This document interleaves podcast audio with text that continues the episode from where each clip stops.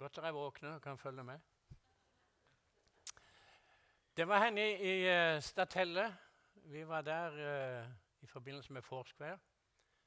Og uh, det var et amerikansk ektepar, Dan og Lynda Scott, som var der og med. Og Lynda hun hadde med lovsangen å gjøre. Og så uh, skulle vi be, da. Så jeg sto og ba. og jeg lukka øynene, som jeg pleier å gjøre når jeg ber. Og så, så begynte de å synge lovsanger. Og jeg trodde det var Lynda. Så, men etter en stund så gikk jeg nei, det der er ikke Lynda. Så måtte jeg opp og se. Så var det hun. Jeg hadde aldri hørt henne synge før. Og siden da har hun sunget. Halleluja. Du var jo aldri hjemme. Nei, er det rart?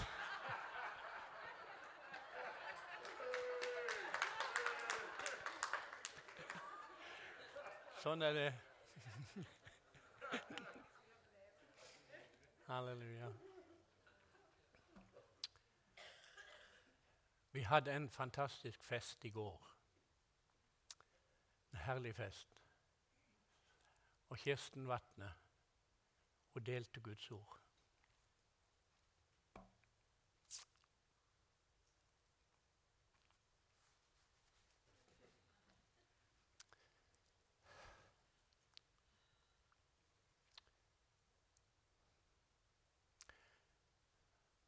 Det er ikke bare ordene, men det er måten de sies på.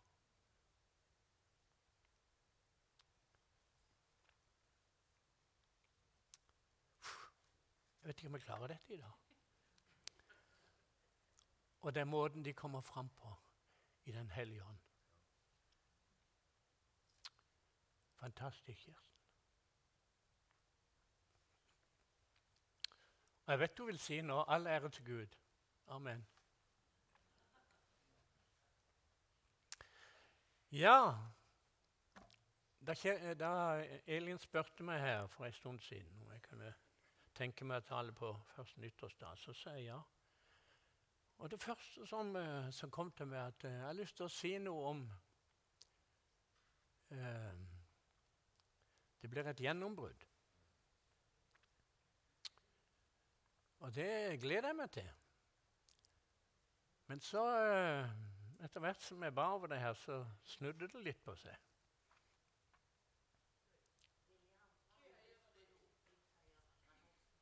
Ja, må skal han opp litt høyere, sier de.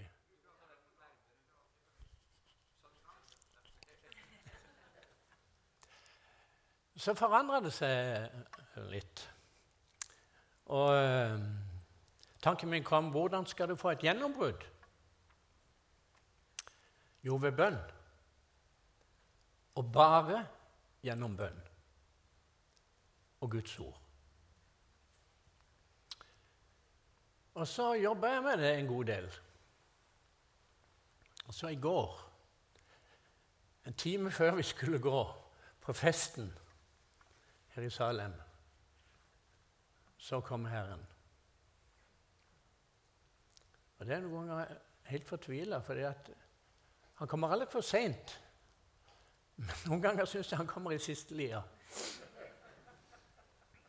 Så han sa, 'Wilhelm, det vil du skal si til folk, først og fremst av alt.' Kom inn i min nærhet.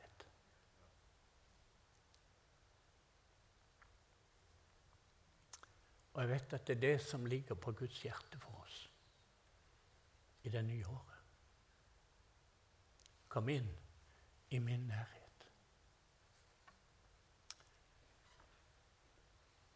Du vet Jesus han ønsker av hele sitt vesen å ha et intimt fellesskap og samfunn med hver eneste en av oss. Ja, kom. Det er så herlig å jobbe med Elin. Det er så fint et team.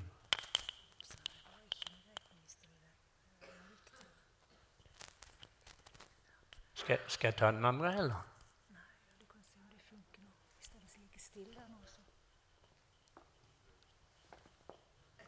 Dette er som å sele hesten.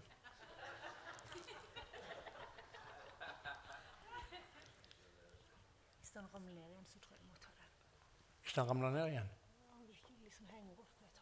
skal jeg ta den? Den.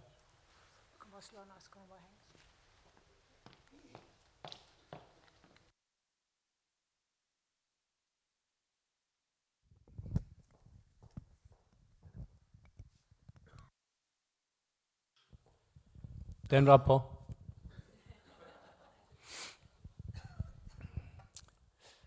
Kom inn i min nærhet. Jesus han ønsker mer enn noen ting å ha et intimt og inderlig samfunn med oss alle. Han sier, 'Før du ber, så svarer jeg det'. Men hvorfor skal vi da be? Når han allerede vil svare? Jo, for han vil ha det der intime fellesskapet med oss i bønn. Det er essensen i mitt kristenliv. Det er blitt det. Og Miriam og vi snakka om det i går. Vi kommer til å forandre litt på dagsrytmen vår etter at Herren kom med det ordet. Vi kan være opptatt med så masse ting. Ikke minst TV-er, aviser og blader og masse ting vi skal gjøre overalt. Men det er én ting som er absolutt det viktigste, og det er Jesus. Det er, han, det er den han er, og det er hva han har å si oss, og hva han har å gjøre i vårt liv. Det er absolutt det viktigste. Og han sier 'be', så skal du få. Og Det vil si for meg at hvis ikke jeg ber, så får jeg ikke.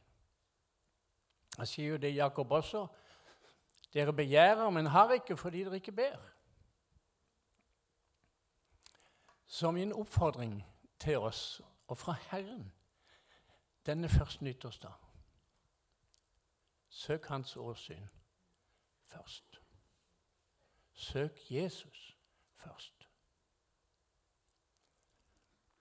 Det var en periode i mitt liv Det første gang jeg begynte som predikant. Det er jo noen og 40 år siden. Da var jeg veldig opptatt med hva jeg skulle preke om. Jeg husker jeg ble jo, jeg ble jo tvungen til dette her. Jeg ble jo tvungen inn i den tjenesten her. For jeg ville ikke det. Men vi hadde en på Sødal bedehus som het Jakob Korgstad. Og øh, Det var alltid vitnemøte på Sødal bedehus. Så når alle hadde vitna fra seg omtrent, så det var litt stille, så kikka Jakob bak på meg, satt helt bak i salen, og så sier han Wilhelm Nå, nå kom høreapparatet. mitt. det ligger det ligger i stabler her.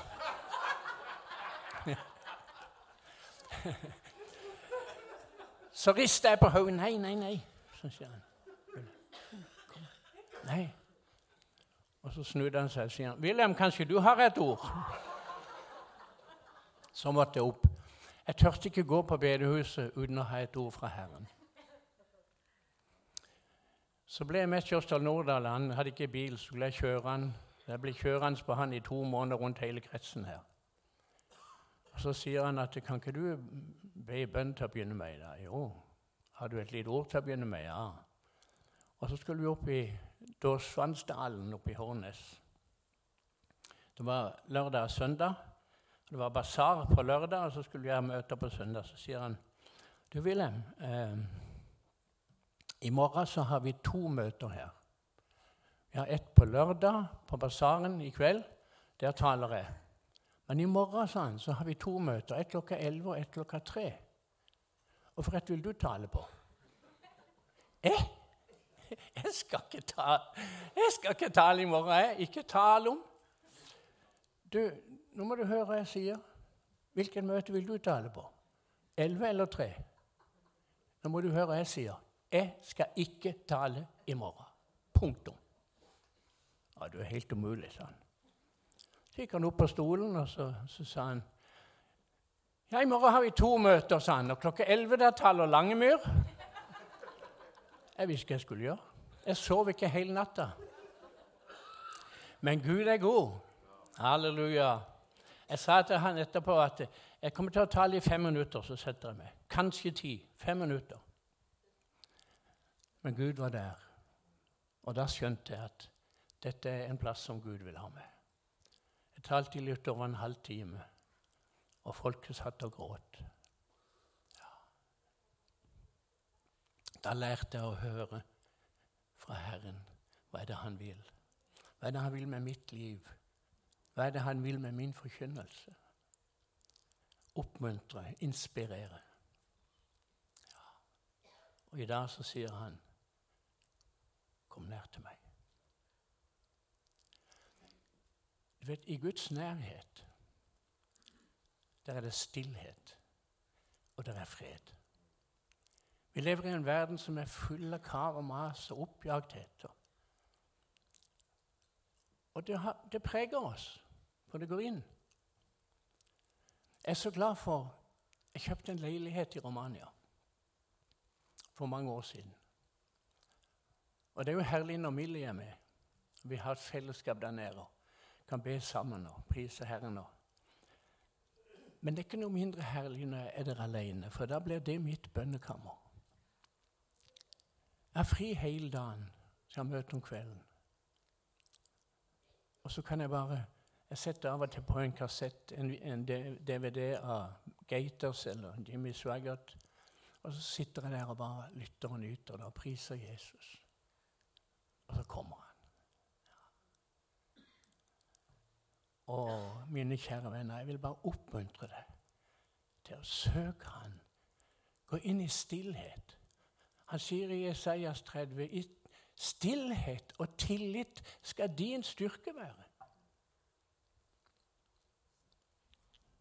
Det er fra skiva du drakk på.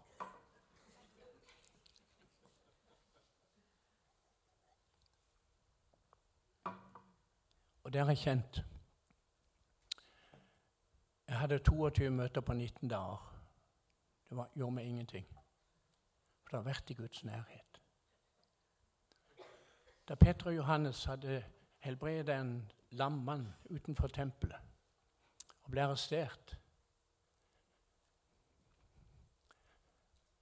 så sier det etterpå om de skriftlærde fariseerne De skjønte han hadde vært med Jesus. Ja, de skjønte han hadde vært med Jesus. Det er Hvis vi skal vinne denne verden, så klarer vi ingenting uten Jesus. Han må få prege livet vårt gjennom fellesskapet og gjennom ordet. Ja, det er så viktig. Det er så viktig. Og det er viktig i bønnemøtene våre også. Jeg har vært på mange bønnemøter, og det, det er liksom Vi ber ut ifra en plikt, eller vi ber ut ifra en tradisjon. Glem det. Vi skal være inne i Guds nærhet og hente kraften ifra Han. Det er der det skjer. Mitt liv er blitt forvandla. Og det er bare forvandla i Guds nærhet. Jeg har lest ut Bibelen, jeg har lest Guds ord i 45 år for å preke om det. Og det har sikkert gjort noe med meg. Heldigvis har det, for Guds ord er levende og kraftig. Det virker der hvor det kommer fram. Men det som har preget meg mest, det er Jesu nærvær. Nærvær i ordet og nærvær i ånden. Det er ikke noe som er så dyrebart for meg.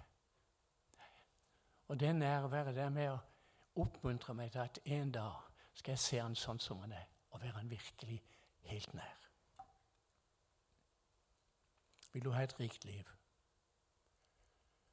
må du være nær Jesus. Ja skal lese et ord fra Salme 63. Glede i samfunn med Gud. Det er David som skriver. En salme av David da han var i Judaørkenen. Det er ikke så mye vann i ørkenen. Gud, du er min Gud. Tidlig om morgenen vil jeg søke deg. Etter deg tørster min sjel. Min kropp tæres av lengsel etter deg et land med tørke og tørst hvor det ikke er vann. Derfor har jeg sett etter deg i helligdommen, for å få din kraft og din herlighet. Fordi din miskunnhet er bedre enn liv, mine lepper priser deg. Slik vil jeg love deg så lenge jeg lever. I ditt navn vil jeg løfte mine hender. David hadde smakt det. Han hadde kjent det, hva det var å være i Guds nærhet. Han hadde kjent å drikke av det levende vann i samfunn med Jesus, i Den hellige ånd. Og når det ikke var der, så tærtes han opp av lengsel. Jesus! Herre!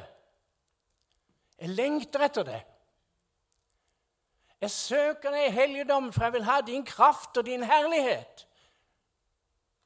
Og jeg sier, 'Å, Jesus, kom, Hellige Ånd, ta tak i meg, før meg inn i den samme situasjonen.' Vi går i en ørken alle sammen i denne verden. Amen. Det er ikke så mye i denne verden å bli oppmuntra Det er ikke så mye i denne verden å bli inspirert av. Men hos Jesus ja.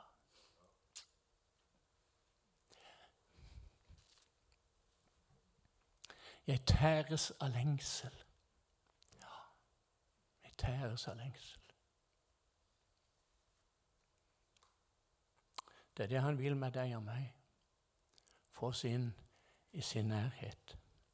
Og der inne Jeg har opplevd det sånn, i hvert fall i Romania. Da får jeg det jeg trenger, før jeg ber. For han vet hva jeg trenger. Ja. Og Min bønn da blir bare å prise han og love han og opphøye hans navn og takke han.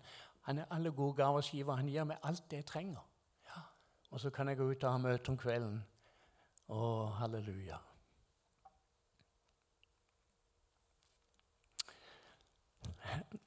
David sier en ting her. Jeg skal ikke tale om det nå, det har jeg talt om en gang før. Men han sier, 'I ditt navn vil jeg løfte mine hender'. Og jeg har tenkt på det Mange steder i Bibelen så sier David noe om det å løfte sine hender når han ber. Og jeg tror det i Bibelen så var det en praksis, det var en, en, en praksis i bønnelivet deres. Når de ba til Gud, så løfta de sine hender. Og Paulus sier jo også det i 1. Timoteus kapittel 2. Jeg vil at mennene på hvert sted skal be slik at de løfter hellige hender uten vrede og trette. Ja. Jeg vet ikke som har gjort at våre hender har synket. Jeg vet ikke. Kommer bare på et vers som står i Ordspråket 9. Jeg tror det er kapittel 9 og vers 10. Den late sier, 'Jeg vil folde mine hender. La meg sove litt til.' Det er det eneste stedet i Bibelen det står om å folde sine hender. Men det står om å løfte sine hender.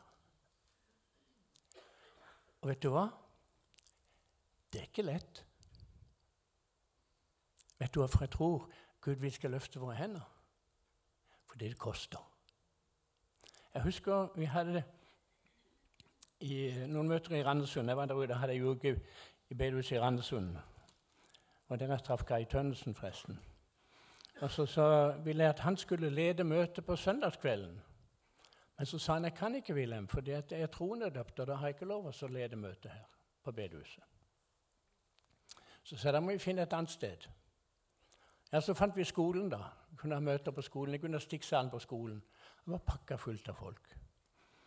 Og Så skulle vi synge noen lovsanger og noe sånt. Og så sa jeg nå løfter vi hendene mens vi priser Jesus. For det er bibelsk. Løfter vi hendene våre. Jeg glemmer aldri den forsamlinga.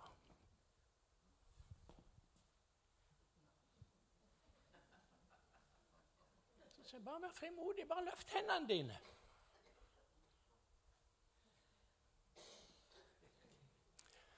Det forteller meg noe. Vi er så stolte. Vi er så stolte. Vi kan ikke engang løfte hendene og prise Jesus. Det er Bibelen sier. Det var en parentes. Nå må jeg snart få begynt å tale. Men det er det intime fellesskapet med Jesus som betyr aller mest. Der får du alt det du trenger. Ja. Han kjenner det, han vet om det. Der kan du bekjenne for ham alt det du, du fyller seg i ditt hjerte. Kan legge det fram for Gud, og du får svar. Ja. Ja. Du får svar. Be, så skal du få. Mm. Romerbrevet 8 sier at vi vinner mer enn seier ved ham. I den engelske bibelen så står vi er more than conquerors. Vi er mer enn erobere. Og skal du erobre noe, så blir det fight. Da blir det kamp. Og skal vi erobre noe i Guds rike, så må vi være villige til å ta opp kampen mot makter og myndigheter, mot ondskapens ånde her i himmelriket. For vi har en djevel som holder folket. Ja. Men vi kan løse det folket ut. Og hvordan kan vi gjøre det? Gjennom bønn. Vi kan løse ut hele Lund her gjennom bønn. Da vekkelsen kom til Pensacola, da en begynte Søndag formiddag klokka ti Jeg vet ikke hvor lenge de hadde ligget der, men klokka ti så lå hele lederskapet med pastoren i spissen på gulvet, på magen på gulvet foran plattformen og ropte til Gud og gråt om vekkelse og liv. Mange snudde i døra og gikk igjen. Så kom Stephen Hill. Da jeg var der nede, hadde jeg holdt på en stund. Jeg sto i en kø på ca. 70 meter to og to. Narkomane, forbrytere. Og Jeg gikk rundt i køen der og spurte hvorfor skal du inn her. Jeg må inn og bli frelst. Jeg må inn og bli fri fra drugs. Jeg har gjort så mye galt. Jeg må inn og ha tilgivelse. 400 medlemmer forlot menigheten da vekkelsen kom. Men tusenvis av nye kom inn. Politiet sa vi har ikke noe å gjøre. Fengslene er tomme. Det er fred og ro i byen. Hvordan begynte det? Med intensiv bønn. Rope til Gud. De hadde en lengsel i sitt hjerte som David hadde. Gud, du må komme. Og han kom. I dag så skjer det fantastiske ting utover i denne vår verden. Vekkelse nesten overalt. Bare i Iran, f.eks., en av de sterkeste muslimske land som fins, blir muslimer frelst i hopetall. Jeg leste en rapport fra en som driver misjon der. Han sier vi har, vi har sånn pågang sånn at vi kan ikke klare å bearbeide det sjøl, så please, kom fra Europa og hjelp oss. Det er nesten to millioner som er registrert kristne. Men han sa jeg er helt sikker på det er minst fem millioner kristne i Iran. Jeg tenker på Kina. Alle bibler skulle brennes. Pastorer skulle arresteres. Alt kristendom skulle vekk. altså Hvis ikke jeg husker feil, dere som var på mannsmøtet, må bare korrigere meg. Men jeg forsto Alf Magnus. Han sa at i dag er det 20 000 kinesere som blir frelst hver dag. Hvorfor det? For det er noen som ber. Det er noen som ber. Det er noen som søker Guds nærhet. Jeg tenker på de fire eldre damene i Kina som jeg leste om. De kom sammen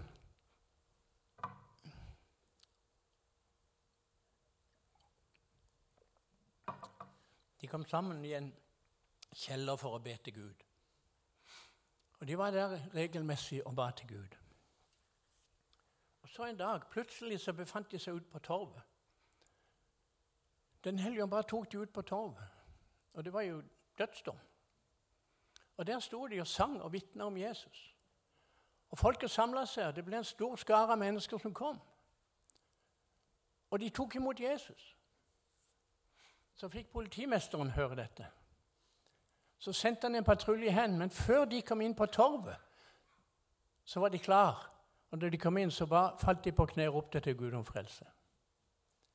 Hele politistorken ble frelst. Han sendte flere og flere, men de ble frelst med en gang de kom inn på torvet. Så ringte han til nabobygda som fikk hjelp derfra. De måtte komme. Og Så kom de med en lastebil full av, av soldater. Kom inn på torvet, hoppa av bilen, bøyde kne, ga sitt liv til Jesus. Fire eldre damer som hadde bestemt seg for vi vil se Kina frelst. Vi vil se byen vår frelst. Ja. Bønn er feit. Bønn er ingen lek. Bønn er ikke noe vi gjør på fritida. Bønn er noe vi bestemmer oss for. Og jeg liker å slåss sammen med Jesus. For jeg vet det er på seierslaget. Vi har sett det i Romania. Halleluja. Og jeg tenkte på når jeg satt med det her Dette her ble jo noen spredte tanker, men jeg tenkte på når jeg satt med dette her Hva er det som gjør at det er sånn vekkelse i, i disse landene? I Irak, Egypt, Afghanistan. Jeg har forbindelse med en evangelist i, i India. Det bare strømmer på av folk som blir frelst. Hva er det som gjør det? Jo, det er bønn. Og Så tenkte jeg på det. Hvorfor ber folk? Hvorfor begynner de plutselig å be så veldig? Jo, fordi de har trengsel. Hvis du leser Salme 107 så står det i Salme 107 om flere som kom inn i trengsel. Trengsel pga. at de var ulydige mot Gud, trengsel pga. andre ting i forhold til Gud. Så kom det trengsel, og så står det Så ropte de til Gud, og Gud fridde de ut. Ja. Amen. Kjære venner. Vi har frihet til å rope til Gud i dag. Må vi ikke vente på trengselen før vi bøyer kne. Sånn som hele verden ellers har måttet gjøre. Jeg sier ikke dette for å gi deg dårlig samvittighet hvis ikke du ber. Langt, langt derifra. Jeg sier det for å inspirere deg. Det finnes et liv som vi ikke aner dimensjonene av.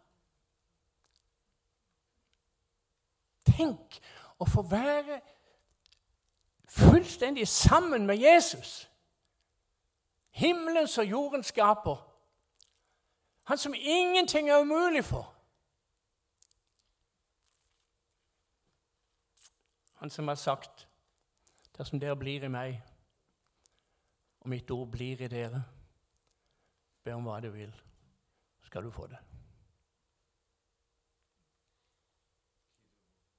Hva vil det si å bli i Han? Jo, det vil si å ha den tro i Guds ord som Han legger ned i vårt hjerte. Bli i Guds ord, bli i Han, bli i det med den troen. Og Jeg, jeg syns det er så fint i den engelske bibelen så står det 'faith in Jesus'. Egentlig direkte oversatt 'tro i Jesus'. Men vi sier tro på Jesus. Jeg kan tro på Jesus. Men du skjønner, troen kan aldri skilles ifra Jesus, for han er troens opphavsmann og fullender. Så min tro er i Kristus Jesus. Ja, alt som jeg er, er jo i Kristus Jesus. Frelsen min er i Kristus Jesus. Alt jeg har, er i Kristus Jesus. Så min tro, den er i Jesus.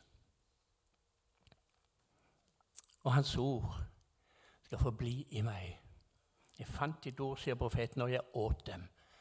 Og de var godt. Da kan du be om hva du vil. Skal du få det. Ja, det er sant.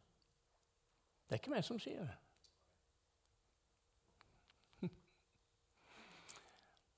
Da kom en mann til meg for noen år siden.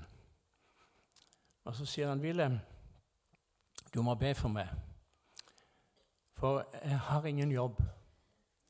'Men jeg er utdanna i olje, og jeg har søkt om jobb i alle oljeselskaper, men bare fått avslag på alt.' Og det er ikke noe annet jeg egentlig kan gjøre.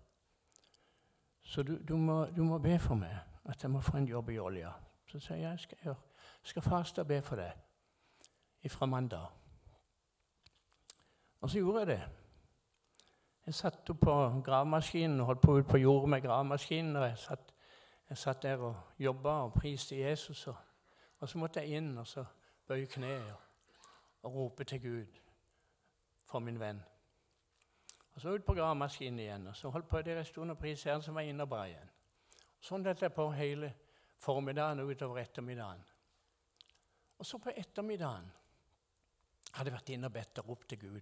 Så jeg var på vei ut, og jeg, jeg kunne fortelle deg nøyaktig hvor det var jeg sto eller gikk da det kom til meg. Wilhelm, be om hva du vil. Nei, nei jeg, jeg, må jo be om det Jesus vil. Nei, be om hva du vil, så skal du få det. Så sier jeg OK. Jeg vil at han skal få en jobb. Og det var ei, bønnegruppe som hadde bedt for henne. Der var det ei eldre dame som hadde sagt Jeg får et sånt rart ord sa hun, som ikke vet hva det betyr. Elf. Så sa de ja, men det er jo et oljeselskap. Ja, men da må jeg søke på nytt igjen i det oljeselskapet. Gjorde han det? Og så sa jeg far, jeg vil at han skal få den jobben i Elf. Og så kom det som et lyn fra himmelen. Han får den i september. Dette var i juli. Oi, jeg tenkte kjære Gud, hva gjør jeg med det? Men så ringte jeg eh, til kona. Jeg tenkte jeg får si det til kona i alle fall. Så sa jeg til kona at uh, jeg fortalte hva som hadde skjedd, og så sa jeg han får den jobben i Elf i september. Å, så herlig, sa hun. Å, det er herlig. Det skal jeg fortelle til han. Så gjorde hun det. Og så ble han innkalt til konferanse i Elf. Og Han ble spurt ut, og de satt der og spurte han, og og han svarte så godt han kunne. Og så når det var ferdig, så sier de Er det noe du gjerne vil spørre om mens vi sitter her før vi går? Har du et spørsmål? Jeg har ett spørsmål, sa han. Ja, Når kan jeg begynne? Og Så, så kikka de på han, så sa de Ja, tror, tror du du får jobben? Ja, det vet jeg, sa han. Det vet jeg. Så så de på hverandre, så lo de, så sa han du får jobben. Amen. Be om hva du vil, så skal du få det. Dere, vi må våkne opp. Vi må våkne opp for alle de herlige løftene som Gud har gitt oss, og som gjelder i dag. Ja, de står fast. Guds ord kan ikke forandres. Nei, det står fast. Så la oss rope til Gud før trengselen kommer og tvinger oss på kne. Vi har en sjanse, vi har en mulighet i dag. Halleluja. Priset være Herren. Hvordan skal jeg be da? Skal jeg slutte med det? Jeg har holdt på for lenge. Hvordan skal jeg be? Jo, Jakob 5 har en grei anvisning på det. Der står det, og jeg, jeg tar det fra det Amplified, den amerikanske Amplified Bible, for den er mer nøyaktig på alt og mer utfyllende. Og Der står det slik en, Den ærlige, hjertefølte, utholdende bønn fra en rettferdig mann eller et rettferdig menneske utretter mye, eller mirakler, og er dynamisk. Og jeg sa, 'Jesus, jeg vil være ærlig overfor deg med alt i mitt liv. Helt ærlig. Jeg vil til og med si at Som jeg sa en gang, jeg hadde holdt på i en måned å forkynne Guds ord uten stopp. Jeg sa, morgenen så sier Jesus jeg beklager, men jeg orker ikke å lese Bibelen i dag. Jeg er fed up. Jeg orker det ikke. Det er greit, det. Så gikk det et kvarter, så hadde jeg sånn trang etter å lese Bibelen. Han kjenner det. Vær ærlig overfor Gud med livet ditt. Ja. Er det synd, så bekjenner du det. Bli kvitt det.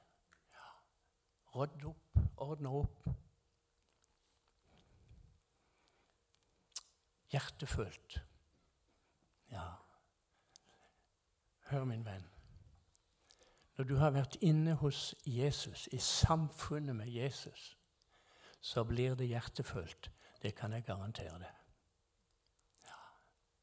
Da blir det hjertefullt. Da blir det ikke noe som sitter her i en tanke. Da blir det hjertet ditt som han har tatt tak i hjertet ditt. Du bare må. Du bare må. Ja. Utholdende. Og jeg har tenkt på det mange ganger når vi ber for syke. Uh, legger hendene på de syke, og så ber vi en kort bønn, og så sier jeg Amen i Jesu navn. Føler du noe? Nei, ikke noe spesielt. Nei, men det kommer nok. Uff. Jeg husker vi var oppe i Steinkjer. Det er ålreit, Millie? Greit? Jeg må sjekke det av og til. så det er Noen ganger han sier at du må ikke fortelle så mye på den. Vi var oppe i Steinkjer hos Per Otto Belsvik og hadde hatt noen møter. Og så hadde vi, hadde vi kvelden sammen hjemme hos dem. Så skulle vi overnatte der. Og så på morgenen Vi sto opp i, sånn i åttetida. Og Mille sto opp. Og så var hun krithvit i ansiktet. Og like hvit som laken omtrent på senga. Og så, oh, jeg fikk så vondt, her og så opp i skuldra. Hjertet, tenkte jeg. Så jeg hoppa over senga, hentet min lille hendene på og ba i Jesu navn. Helbredelse i Jesu navn. Og jeg ba og jeg ba og jeg ba. Og så kom det en tanke. Så sa jeg til Millie vi går og spiser frokost. Så kjører vi. Så skal jeg love deg en ting. Jeg skal be for deg helt til du er frisk. Vi spiste frokost, satte oss i bilen, hadde automatgir, så jeg slapp på giret, La han er på Millie. Og jeg ba for Millie. Sto djevler imot, ba om helbredelse, takka Gud. Jeg vet ikke alt jeg ba om. Det gikk alt, alt det som jeg hadde, gikk ut. Ned igjennom hos Stjørdal. Jeg sa jeg gir meg ikke, jeg ber henne, jeg skal be til du er frisk. Så kom vi nesten nedover mot Levanger, og så, så kommer det en beskjed. Så sier han når du kjører inn i Levanger, skal du begynne å takke. Åh. Og jeg lengta etter det skiltet Levanger. Og der var det. Med en gang vi rulla over grensen til Levanger, så begynte jeg å takke og prise Jesus for legedom. Og takke familie og takke for alt. Så gikk det et par minutter, eller litt mer kanskje. Så sier vi uff, jeg ble så varm, sa hun. Og så var hun så rød som en tomat i ansiktet. Så jeg hadde noe vondt. Ikke en plass. Så hun gikk på jobb og jobba den dagen. Siden da har hun vært frisk. Og det er mange år siden. Utholdende. Utholdende. Ja. ja. Ærlig.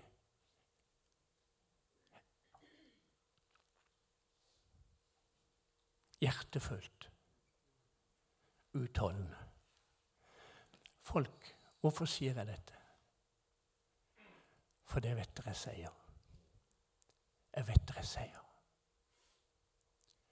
Jesus bakte seier, men han gikk en veldig tung vei for å bringe den seieren. Det kosta han absolutt alt for å bringe den seieren.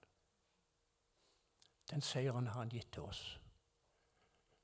Men det er en pris å betale der. Prisen på vårt eget. Prisen på vår komfort. Prisen på det vi har lyst til. prisen på det vi gjerne vil. Ingen kan være min disippel, sier Jesus, uten han oppgir alt han eier. Det er vår pris. Vet du hva?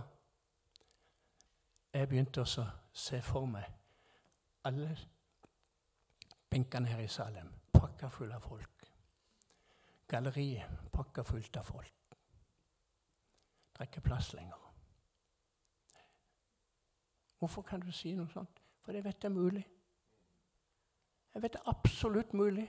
Ja. Det er ikke opp til Gud. For han vil at alle mennesker skal bli frelst. Alle på Lund, alle i Kristiansand. Men det er opp til deg og meg. Vi kan fylle denne salen gjennom å rope til Gud i bønn. Ærlig, hjertefølt og utholdende. Esaias han sier i kapittel 62 han sier, Unn dere ingen ro før han gjør det til en lovsang på jorden. Amen. Unn dere ingen ro, sier han. Unn dere ingen ro. For meg er det blitt sånn, etter Gud begynte å tale til meg om dette For meg er det blitt sånn Det er én en eneste viktig ting for meg i mitt liv, og det er å leve for Jesus. For det er det eneste livet vi har. Uten Jesus er det ikke noe liv. Men det livet jeg har fått, det livet du har fått, det har vi fått i Kristus Jesus.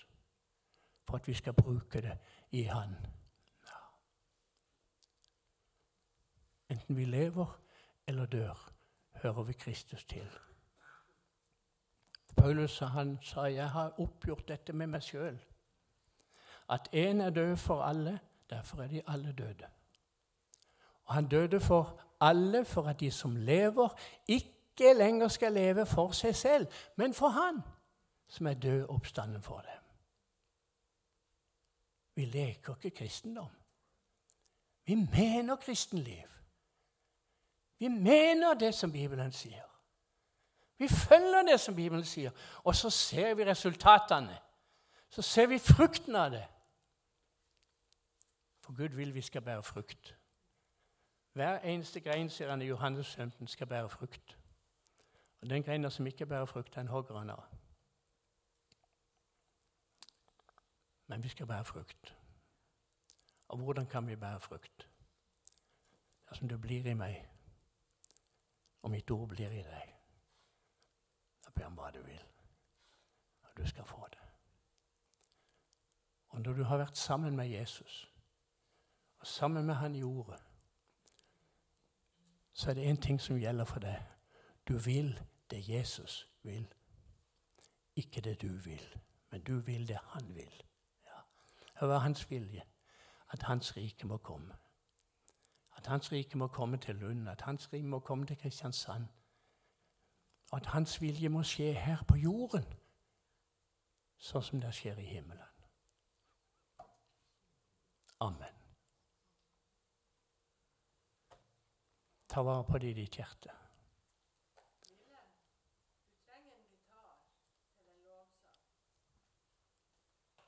Har vi en gitar i huset? Har du en gitar her? Det er ikke noe gitar. Men det kommer. Elin hun sang et kor for oss der inne på bønnerommet så falt Den hellige ånd